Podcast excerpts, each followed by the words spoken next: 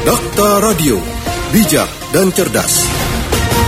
Apa yang menjadi dasar kuat penolakan yang dilakukan oleh Konfederasi Serikat Pekerja Indonesia dengan adanya RUU Cipta Kerja atau Omnibus Law ini. Kami akan berbincang bersama dengan Ketua Departemen Komunikasi dan Media KSPI Bapak Kahar S. Cahyono.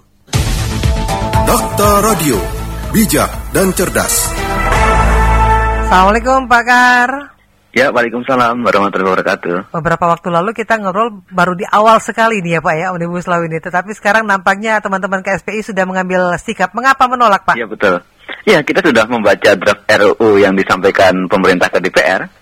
Dan setelah kita pelajari ternyata ada enam hal yang membuat Omnibus Law itu uh, merugikan kaum buruh begitu. Iya, apa saja itu Pak? Ya, yang pertama adalah uh, menghilangkan upah minimum, kemudian menghilangkan pesangon, kemudian outsourcing dan karyawan kontrak itu bisa seumur hidup, kemudian waktu kerja yang eksploitatif, kemudian TKA buruh kasar, tenaga kerja asing kasar itu bisa berpotensi masuk ke Indonesia, kemudian hilangnya jaminan sosial, PHK sangat mudah, dan kemudian uh, yang terakhir adalah hilangnya sanksi pidana bagi pengusaha. Nah, dari uh, ke enam ini, bagaimana teman-teman KSPI menyikapinya? Ya, uh, kita sangat menyesalkan begitu uh, karena ini sangat serius bagi kaum buruh. Ternyata walaupun sudah diganti namanya dengan RUU Cipta Kerja begitu, ternyata isi pasal-pasalnya tetap saja membuat uh, buruh celaka gitu. Celaka seperti singkatan yang pertama itu. Iya. Jadi kita juga akan melakukan aksi besar-besaran begitu, bahkan uh, tidak menutup kemungkinan melakukan mogok nasional kalau RUU ini tetap dipaksakan. Kalau teman-teman KSP melihat, apakah pemerintah akan tetap memaksakan RUU ini? Ya, kalau kita lihat prosesnya sepertinya uh, demikian. Pertama bahwa pembahasan pembuatan draft dari RUU ini sangat tertutup, hmm. bahkan ada dibentuk satgas begitu, satgas uh, omnibus law, yang isinya tidak satu pun dari peng, uh, pekerja masuk ke dalamnya. Semua diisi pengusaha, bahkan ketua satgasnya adalah ketua kadin begitu. Hmm. Dan baru-baru uh, ini ketika draftnya sudah selesai, bahkan sudah diserahkan ke DPR, uh, kaum buruh uh, diminta untuk masuk dalam tim sinkronisasi yang dibentuk oleh uh, Menko Perekonomian. Nah, tentu karena draftnya sudah selesai dan kemudian ruang diskusi dari awal tertutup bagi serikat buruh ya, KSPI menolak untuk masuk dalam uh, satgas apa tim tersebut dan saya rasa sudah tertutup lah bagi pemerintah untuk um, merubah lagi tentang draft itu. Iya. Nah bagi KSPI saat ini adalah kita mendesak kepada DPR sebagai wakil rakyat untuk apa tidak membahas lah artinya membatalkan semua rencana untuk pembuatan uh, RUU Cipta Kerja ini. Melihat komposisi DPR sekarang, seberapa optimis teman-teman KSPI, Pak Gar? Ya, uh, kita sangat optimis. Uh, pertama, walaupun saat ini DPR didominasi oleh partai koalisi begitu uh, di kekuasaan, tapi uh, kami yakin karena semua serikat pekerja itu menolak omnibus law. Dan kalaupun uh, DPR uh, melawan kehendak rakyat gitu dalam arti uh, tidak mengakomodir apa yang menjadi aspirasi kaum buruh, ya kaum buruh pasti akan melakukan aksi yang besar-besaran, bahkan tidak saya katakan tadi tidak menutup kemungkinan akan terjadi mogok nasional gitu. Yeah. Nah, kekuatan rakyat atau kekuatan buruh ini yang membuat kami sangat optimis karena saat ini tidak ada satupun serikat pekerja yang setuju dengan omnibus law. Hmm. Dari awal dilibatkan tidak sih sebetulnya teman-teman di serikat buruh, Pak Kahar? Oh iya, jadi dari awal serikat pekerja tidak dilibatkan. Tadi saya katakan bahwa dibentuk Satgas Omnibus Law pun yang untuk membuat rancangan undang-undangnya serikat pekerja tidak dilibatkan gitu. Kami memang diajak diajak bertemu gitu, tapi pertemuan itu dalam rangka sosialisasi uh, terkait dengan Omnibus Law. Jadi bukan diminta untuk memberikan masukan terkait dengan pasal-pasal yang akan diatur dalam uh, eh, RUU Cipta Kerja itu seperti apa gitu, tapi cenderung uh, pemerintah meminta untuk didengarkan apa yang menjadi kehendaknya dan bukan sebaliknya mendengarkan apa yang menjadi kehendak kaum buruh. Iya. Nah, kalau dengan demikian, siapa yang diuntungkan dari RUU Omnibus Law ini? Ya, tentu kalau kita melihat pasal-pasal yang ada dalam uh, Omnibus Law ini, semua adalah untuk kepentingan pemodal begitu. Uh, keuntungan kapitalis ya dalam hal ini.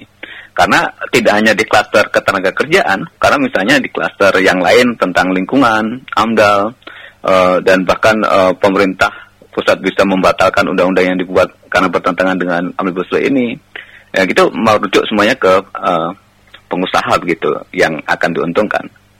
Saya ambil contoh satu pasal begitu ya dalam omnibus law ini tentang pengupahan itu diatur bahwa uh, yang dimaksud upah minimum itu adalah upah minimum provinsi. Nah, padahal saat ini yang dimaksud upah minimum itu ada empat jenis gitu. Pertama ada upah minimum kabupaten kota, yang kedua ada upah minimum sektoral kabupaten kota, yang ketiga ada upah minimum provinsi, yang keempat adalah upah minimum sektoral provinsi. Nah kita ambil contoh misalnya di Bekasi, Kabupaten Bekasi itu upah minimumnya saat ini tahun 2020 ini adalah 4.498.000 begitu. Nah kota Bekasi 4.589.000. Kita bisa bayangkan kalau UM yang dipakai upah minimum itu adalah upah minimum provinsi, Bekasi masuk Jawa Barat dan saat ini Jawa Barat upah minimumnya adalah 1,8 juta nggak kebayang kalau nanti upah bekas yang saat ini sudah 4,5 juta itu tiba-tiba turun menjadi 1,8 juta karena yang berlaku adalah upah minimum uh, provinsi. Dan tidak cukup dengan itu, Mbak. Karena di dalam Omnibus Law ini sanksi tentang perusahaan yang membayar upah di bawah upah minimum itu dihilangkan.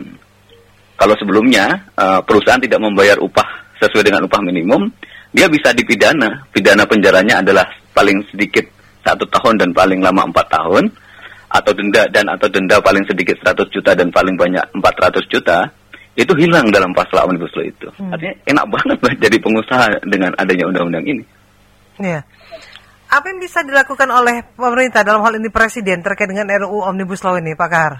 Ya, uh, kami meminta agar uh, presiden mengecek lagi lah tentang draft uh, dari uh, omnibus law ini karena ini bertentangan sekali dengan semangat presiden untuk mewujudkan uh, trilaya itu tentang upah layak, tentang pekerjaan yang layak, dan tentang penghidupan atau jaminan sosial yang layak. Itu tidak tercermin uh, dalam uh, itu. Kami juga menduga jangan-jangan memang ada ada titipan begitu, pasal titipan dalam omnibus law ini seperti yang dulu juga pernah dikhawatirkan oleh uh, Pak Jokowi terkait dengan pembahasan RUU omnibus law itu.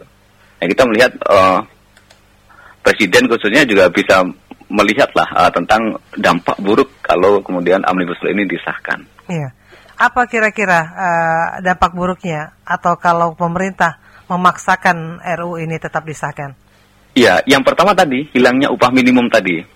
Uh, yang kedua, di undang-undang omnibus law ini terkait dengan outsourcing dibebaskan sebebas-bebasnya.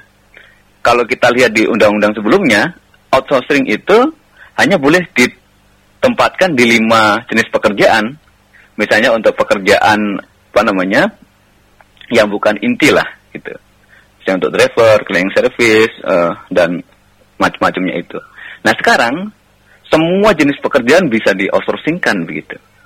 Yang kedua, uh, begitu juga dengan karyawan kontrak itu bisa dikontrak seumur hidup pekerja.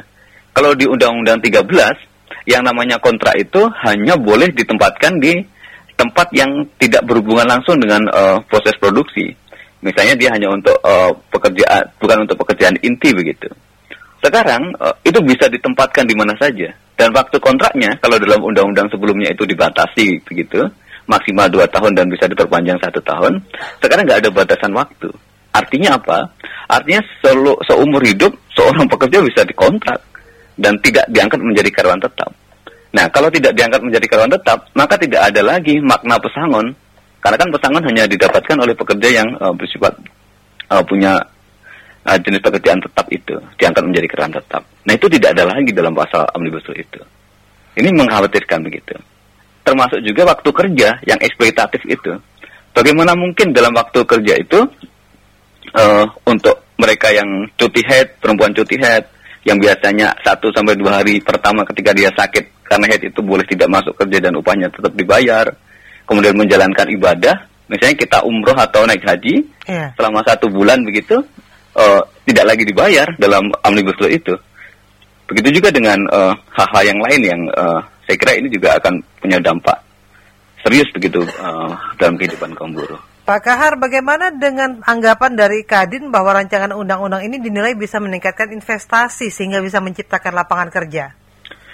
Iya, uh, ini dari awal memang kan doktrin dari Undang-Undang uh, RUU Cipta Kerja itu adalah untuk investasi begitu. Iya. Nah, salah satu yang disasar adalah uh, untuk menghilangkan pasal pasal-pasal yang dianggap menghambat investasi begitu. Nah, kami tentu sangat tidak setuju kalau yang dimaksud pasal yang menghambat investasi itu adalah kesejahteraan buruh. Jangan karena kemudian untuk mengejar investasi, kemudian kesejahteraan buruh itu justru diturunkan begitu. Nah, dalam hal investasi, mengejar investasi mestinya ada tiga hal prinsip yang tidak boleh dihilangkan. Yang pertama adalah soal kepastian pekerjaan begitu. Jadi tidak boleh karena investasi masuk maka kontrak seenaknya, outsourcing seenaknya, sehingga tidak ada kepastian pekerjaan. Begitu juga dengan kepastian untuk mendapatkan pendapatan. Kepastian upah tadi uh, saya jelaskan di awal itu juga dikurangi, direduksi begitu. Yang terakhir adalah jaminan sosial. Karena kontrak terus menerus dan kemudian tidak ada kepastian dalam pekerjaan ya, buruh tidak akan lagi mendapatkan jaminan pensiun karena kan bisa mendapatkan jaminan jaminan pensiun dia harus bekerja sampai usia 55 tahun dan terus menerus begitu. Sementara ini tidak terbukti situ. Nah, karena itu ini juga kacau begitu kalau logikanya adalah mengejar investasi kemudian mengurangi kesejahteraan buruh. Karena World Economy Forum mengatakan bahwa yang pertama menjadi penghambat investasi itu adalah korupsi. Hmm. Ini bukannya korupsi yang diberangkas, tapi justru hak-hak buruh yang dikebiri begitu. Jadi kita juga mempertanyakan sebenarnya investasi macam apa yang dikejar oleh Indonesia, oleh pemerintah Indonesia. Karena investor yang baik, kalau menurut kami adalah dia tidak mau ada korupsi, tidak ada pungli, tidak ada apa catutan yang macam-macam itu, tidak mau merusak lingkungan, berarti dia akan setia dengan uh, AMDAL yang telah ditetapkan. Tapi ini enggak gitu. Dibuka seluas-luasnya, bahkan TKA asing bisa berpotensi dengan mudah masuk uh, AMDAL juga uh, diperlonggar, uh, kemudian hak buruh dikurangi. Saya khawatir nanti justru yang masuk adalah investor yang bermasalah begitu dalam tanda kutip, sehingga bukannya memperbaiki apa yang ada dalam negeri, justru akan merusak begitu. Iya.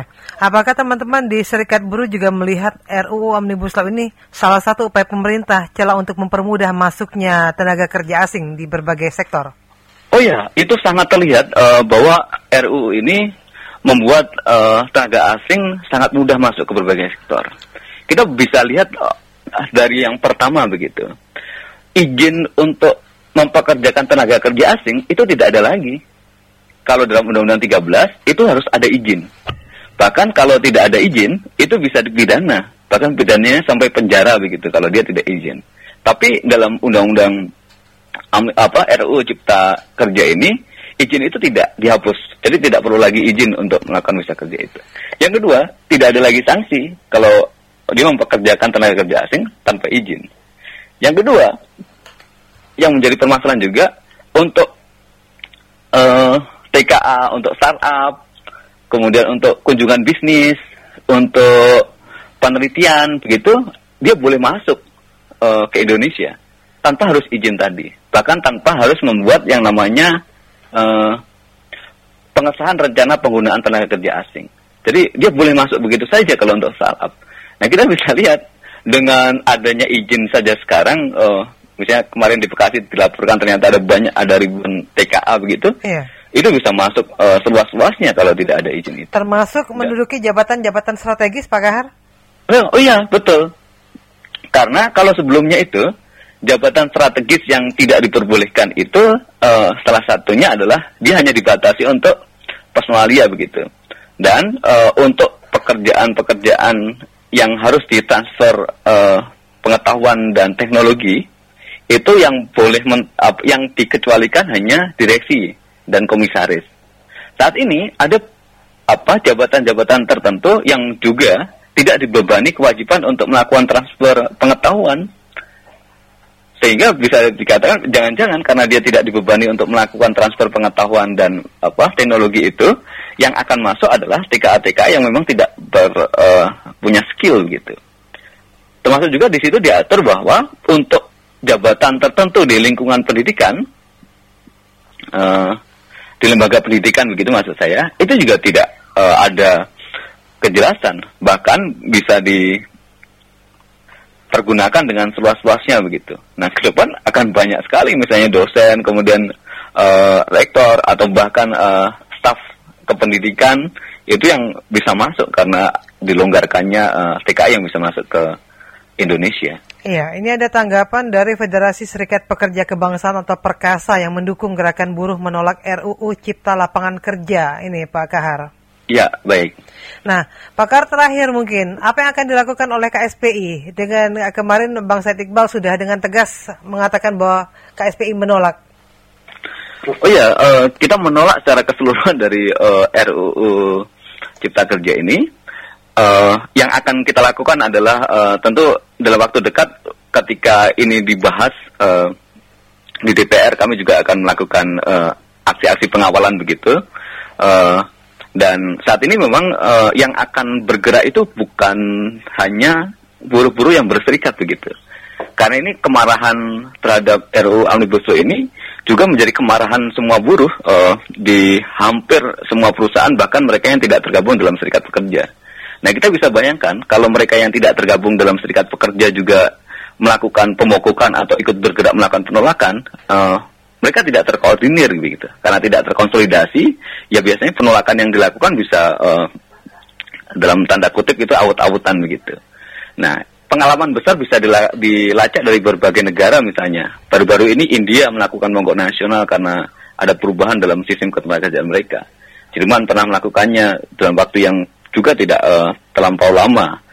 Uh, kalau ini juga dipaksakan di Indonesia, bisa jadi pemogokan umum uh, tidak hanya buruh, karena yang dirugikan ini juga ternyata banyak elemen masyarakat yang lain, itu juga akan melakukan penolakan besar-besaran begitu. Nah kita uh, berharap sekali kepada pemerintah dan DPR untuk tidak melanjutkan pembahasan dari uh, RUU um, tentang cipta kerja ini.